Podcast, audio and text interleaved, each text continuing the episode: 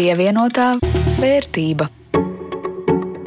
Sveicināti pirmdienā! Latvijas radio ēterā raidījums pievienotā vērtība, kā vienmēr par un ap naudas lietām. Ar to studijā Rudīts Pakovska no Latvijas televīzijas un Jānis Ramāns. Šodien par kādu vasarīgu uzņēmējdarbību un arī iepazīsim vēl kādu no Latvijas jaunu uzņēmumiem. Par tādiem, kuri ļoti veiksmīgi plosās visai eksotiskās Dienvidāzijas puses valstīs. Pievienotā vērtība. Sāksim gan aši par aktuālo ekonomikā. Maija gada inflācija sabremzējusies līdz 12,1%. Labi, protams, ka bremzējas, bet tas joprojām ir 12% kāpums. Cenu kāpums kā tāds ātrs vilciens ieskrējās, aši, aši, bet tā bremzēšanās tā lēni un negribīgi. Skatoties gada griezumā, lielākā ietekme cenu izmaiņām ir pārtikai un ar mājokli saistītām lietām. Cukurs palicis dārgāks par 60%, mērķis un garšvielas par 40%, bet maizes cenā ir trešdaļa klāta. Es gan joprojām pie atsevišķiem tirgotājiem redzu klaju alkatīvu, jeb alkāciju. Nu, nesaprotu, kā neliela būciņa ar sieru var maksāt virs diviem eiro gabalā, bet, nu, vēl vairāk, protams, izbrīna tie, kas tās būciņas arī pērk.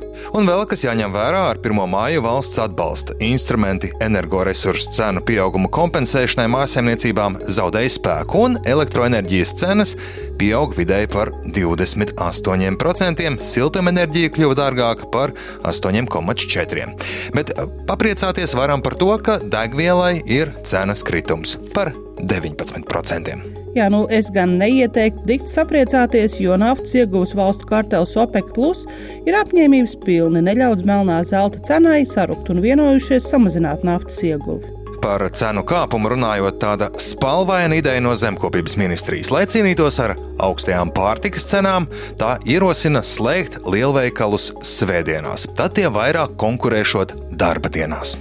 Nē, no, iespējams, ka tā ir tāda pabaidīšana, lai apturētu alokāciju.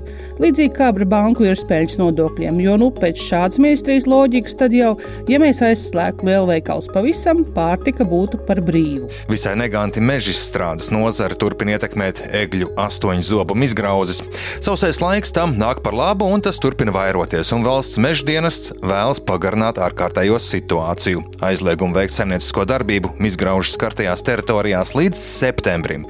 Šobrīd tā spēkā līdz jūnija beigām. Egļu astoņzobu izgraužu izplatības ierobežošanai plānots izmantot arī feromonu slāzdus, kas privāto meža īpašniekiem būs pieejami ar valsts meža dienesta atbalstu. Taču saistībā ar to, ka šādi vapoļu slazdi ir pieprasīti daudz vietā Eiropā, piegādes kavējas. Un noslēdzot uz pozitīvas nots, avio pasažieru skaits pasaulē šogad var pietuvoties rekorda augstam līmenim - 4,35 miljardiem pasažieru. Tā prognozē Startautiskā gaisa satiksmes asociācija. Turklāt avio kompānijas, kuras pandēmijas laikā cieta ievērojams zaudējumus, pērn 3,6 miljardu dolāru, šogad visticamāk nopelnīs tuvu 10 miljardiem dolāru. Pievienotā vērtība.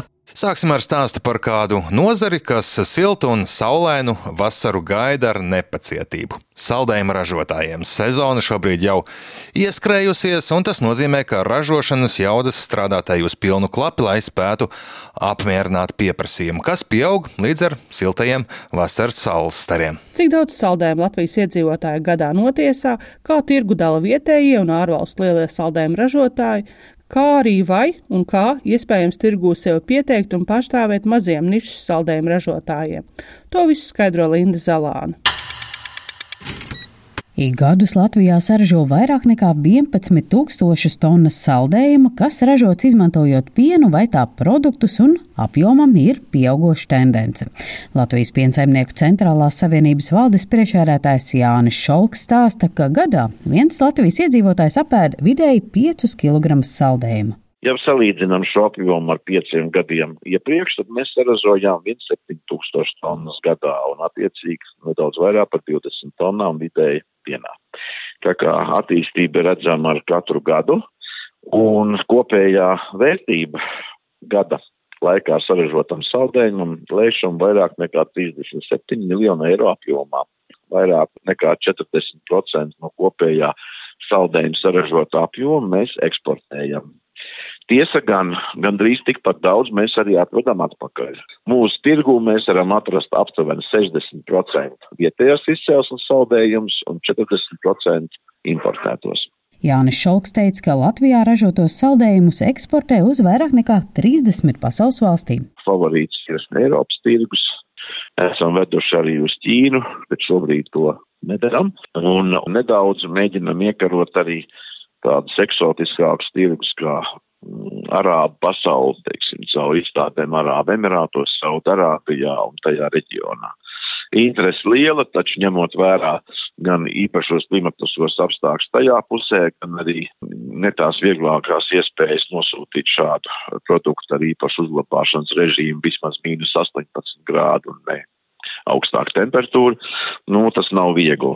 Runājot par Latvijas tirgu, Šalks teica, ka saldējumu ražošanas jomā lielāko apjomu nodrošina lielie ražotāji, kuru pamata produkts ir tieši saldējumu ražošana skaita ziņā ražotāji vai uzņēmēji, kuri ražo saldējumu, ir skaitām vairāk kā desmit tieši Latvijā.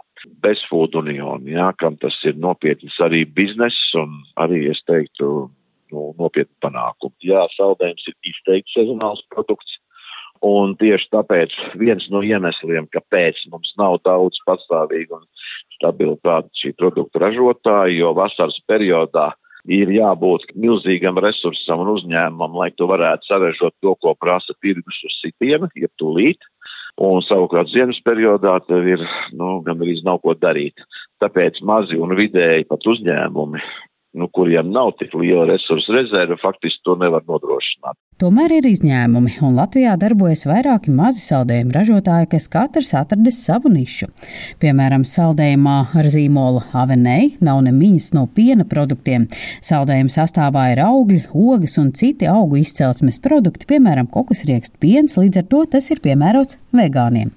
Uzņēmuma īpašnieks Dāvis Dudelis stāsta, ka gadā Latvijas iedzīvotāji apēd ap pusmiljonu avenei saražoto saldējumu. Gadu no gada to sezonalitāti jāsadzīvo, un, un mēs katru gadu arī mēģinām mācīties no savām tām kļūdām. Viens ir tas, ka, protams, kad kā sezona sākās, tad visiem pēkšņi vajag to saldējumu vēl, vēl vairāk nekā parasti, un uh, tas ir tas izaicinājums, kā, kā no tā, nu neteikt no nulles pozīcijas, bet no tādas, tādas nesezonas pēkšņi ielikt tajā sezonā, tajā pilnajā jaudā. Notras, protams, kad tieši sajust tos sezonas beigas un varbūt arī sāk jau piebremzēt un neaizrauties.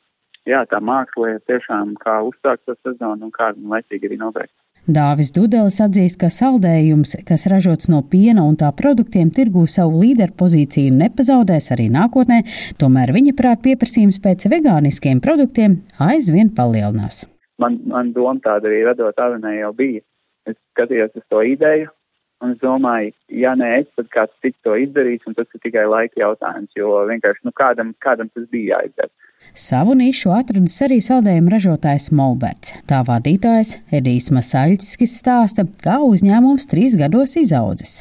Tā doma primāri bija nopirkt mazu aparātiņu, saražot tādu pussaldētāju pilnu un nu, ja neaizies, neaizies, tad apēdīsim paši, bet nu, tā sanāca, ka viss aizgāja un no tā viena mazā aprātiņa mēs esam izauguši līdz 20 darbiniekiem, kas mums šos saldējumus taisa. Sezonas laikā uzņēmums saražo tonu saldējumu. Sezonas laikā tas mums ir tāds izaicinājums arī paspēt saražot, lai, lai cilvēki dabūtu savus garšas. Pat labi uzņēmumam ir divas tirdzniecības vietas Rīgā un šovasar padomā atvērt vēl vienu.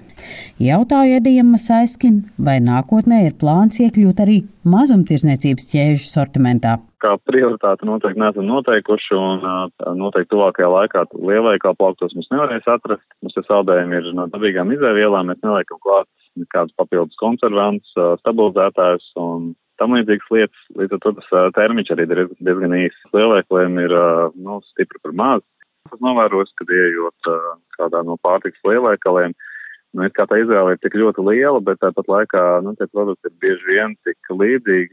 Un tā ir iespēja maziem ražotājiem atrast savu nišu un piedāvāt kaut ko atšķirīgu. Linda Zalāne, Latvijas radio. Pievienotā vērtība. Bet nu laiks kādam stāstam par Latvijas jaunu uzņēmumu, par kuru nu, es tiešām nebrīnītos, ja salīdzinoši drīzā nākotnē teiktu, ah, nu jā, tie tie Latvijas trakie ar vienrads Dienvidāzijā.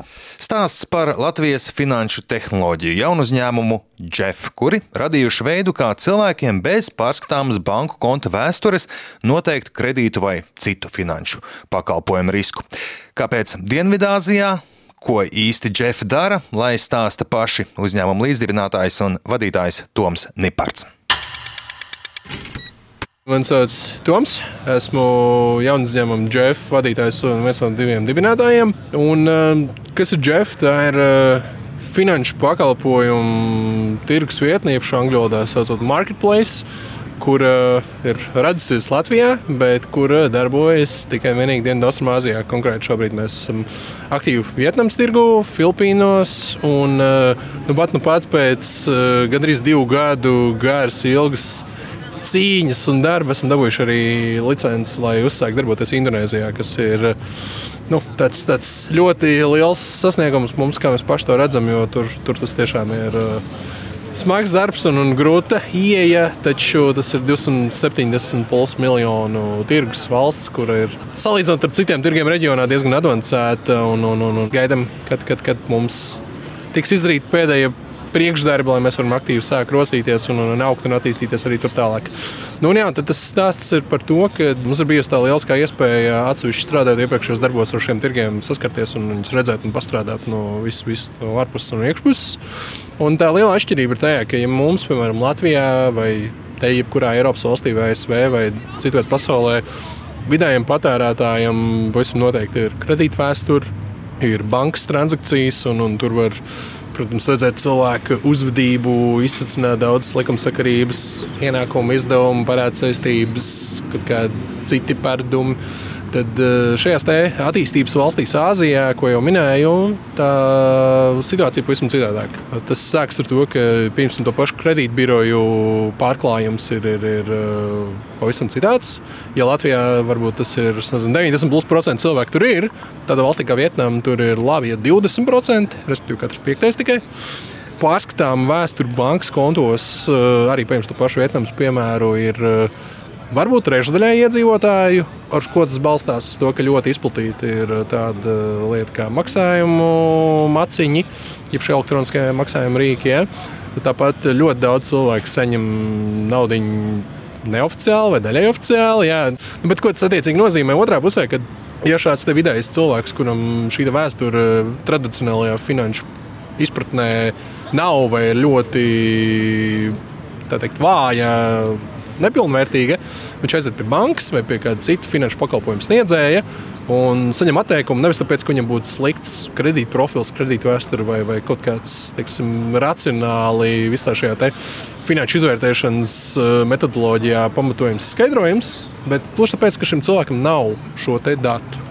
Nu, tas, ko mēs redzējām, strādājot iepriekšējās darba vietās, bija tas, ka eh, šo te var risināt. To var apiet tā, ka visiem šiem te, teikt, neapkalpotajiem patērētājiem, kas tur ir simtos miljonu, viņiem ir digitālai dati, viņu viedierīcēs, internetu pārlūkos, digitālajā uzvedībā kā tādā, sociālajos medijos, telekomunikāciju operatoros, protams, šajos pašos maciņos, tas ir daudz kur. Un, um, mēs redzējām, ka daļa tirgus spēlētāji to sāk saprast, lielākā daļa vēl aizvien to īsti nesaprot. Un, un sapratām, ka uz to pavisam noteikti viss virzās. Sapratām, ka nav īsti tāds spēlētāju tirgu, kurš viņiem varētu apvienot gan šo klientu atvešanu, bet tādā formātā, ka šis klients nav vienkārši kāds, kurš grib uh, kredītkarti vai naudu vai apdrošināšanu, bet ka šim cilvēkam uzreiz jau līdzi nāk visi šie dati piesaistīti klāt, viņi ir kaut kādā veidā produktizēti, tā teikt. Tu vari jau dabūt kaut kādu veidu novērtējumu par šo konkrēto cilvēku. Nu, jā, tad, tad to visu savukārt kopā redzējām, kā šie tirgi attīstās, kā viņi aug, kāds tur ir šis potenciāls. Sapratām, ka mums šeit, Baltijā, gan paziņu lokā, gan, protams, daudz plašāk. Ir ļoti daudz spēcīgu cilvēku, kam ir visi nepieciešamie teikt, eh, zināšanu kopumi, spējas, prasmes to visu teikt, risināt. Nu, jā, tad mēs, mēs 2019. gadā sākām pie šī strādāt. Eh, aizgājām no saviem darbiem, un tad uz gada otro pusi ķērāmies pie darba ar, manu līdzdibinātāju eh, Reinu. Drīz vien mums arī mūsu tagadējais tehniskais vadītājs Sandrs pieslēdzās. Un, un, un, un, jā, tad mēs bijām trīs 20. gada sākumā mums bija nulle mūsu teiksim, tā, apgrozījumā. Un, un tagad mūsu komandā ir jau vairāk kā 35 cilvēki, 7 dažādās valstīs. Pagājušo gadu mēs noslēdzām ar vairāk kā 5 miljonu dolāru apgrozījumu. Un, jā, un tas ir tikai pats sākums. Mēs teiksim, tā, paši sev un visiem, kas mums teiksim, likt pretīm skepsi sākumā, kā tad jaunieši no Austrum Eiropas, no Baltijas šo te vispār eh, darīs, un, un tūkstotis veidi un iemesli, kāpēc jums neizdosies. Nu, jā, tad tagad, nu, tā nu mēs esam trīs gadus vēlāk ar, ar, ar eh, būtisku, būtisku, būtisku biznesu. Un tā lieliskā lieta ir tā, ka nu, tas ir tāds tirgus, kur mēs esam knapi, knapi, knapi 0, nezinu cik procentus aizķēruši. Tur augt var uh, nepārtraukti. Piebildīšu, ka daudz plašāk izvērstāks sarunu gan par īpatnībām strādājot Āzijas tirgu, gan arī par Latvijas jaunu uzņēmumu vidi. Ar to man ipartu varat atrast un noklausīties mūsu raidierakstu vietnēs Siltiesak, ja interesē. Pievienotā vērtība. Bet nu ieskatīsimies, kas notiek Baltijas biržās un mūsu akciju portfeļos. Aizdītajā nedēļā kāpums tikai Rīgā. Kaimiņos mīnusi. Rīgā 0,48%, plusā Viļņā un Tallinā līdzīga apjoma krituma. Attiecīgi mīnus 0,39 un mīnus 0,68%. Manam portfelim salīdzinot ar iepriekšējo nedēļu pāris eiro vērtības kritums. Iegriez Enefit Green akciju cenas kritums un šobrīd ieguldītie 300 eiro ir 457 eiro un 1 centa vērti. Laikam jau tas nozīmē, ka tu paliec līdera godā? Diemžēl nē, man divi uzņēmumi visai gauži nodarīja ar savu akciju cenu vērtības kritumu. Merko Ehitus - mīnus 10% akciju vērtībai un Arī man ir Enefit Green, turklāt stipri vairāk nekā tavā portfelī rudīt. Tā kā man aizdītā nedēļa ir nesusi 7 eiro lejup, 454 eiro kopējā vērtība šobrīd. Atpaliek no tevis sanāk par vienu superdārgu siermaizīti. Nu, un uz šīs priecīgās nots maza ziņa tiem, kas iegulda krāju obligācijās. Tām nu pieejama ne tikai gada, 5 un 10 gadu termiņi, bet arī 3 un 7 gadu noguldīšanas iespēja. Likmes ap 4% gadā pievienotā vērtība. Ar to arī izskan šīs nedēļas raidījums pievienotā vērtība. To jums veidoja Jānis Ramāns kopā ar Rudītu Spakovsku no Latvijas televīzijas. Par skaņu rūpējās Kaspars Groskops. Atgādinu šo un citus pievienotās vērtības raidījumus bieži vien garākā versijā var noklausīties jūsu iecienītākajās raidierakstu klausīšanās vietnēs, kā arī Latvijas radio lietotnē. Uz tikšanos pēc nedēļas!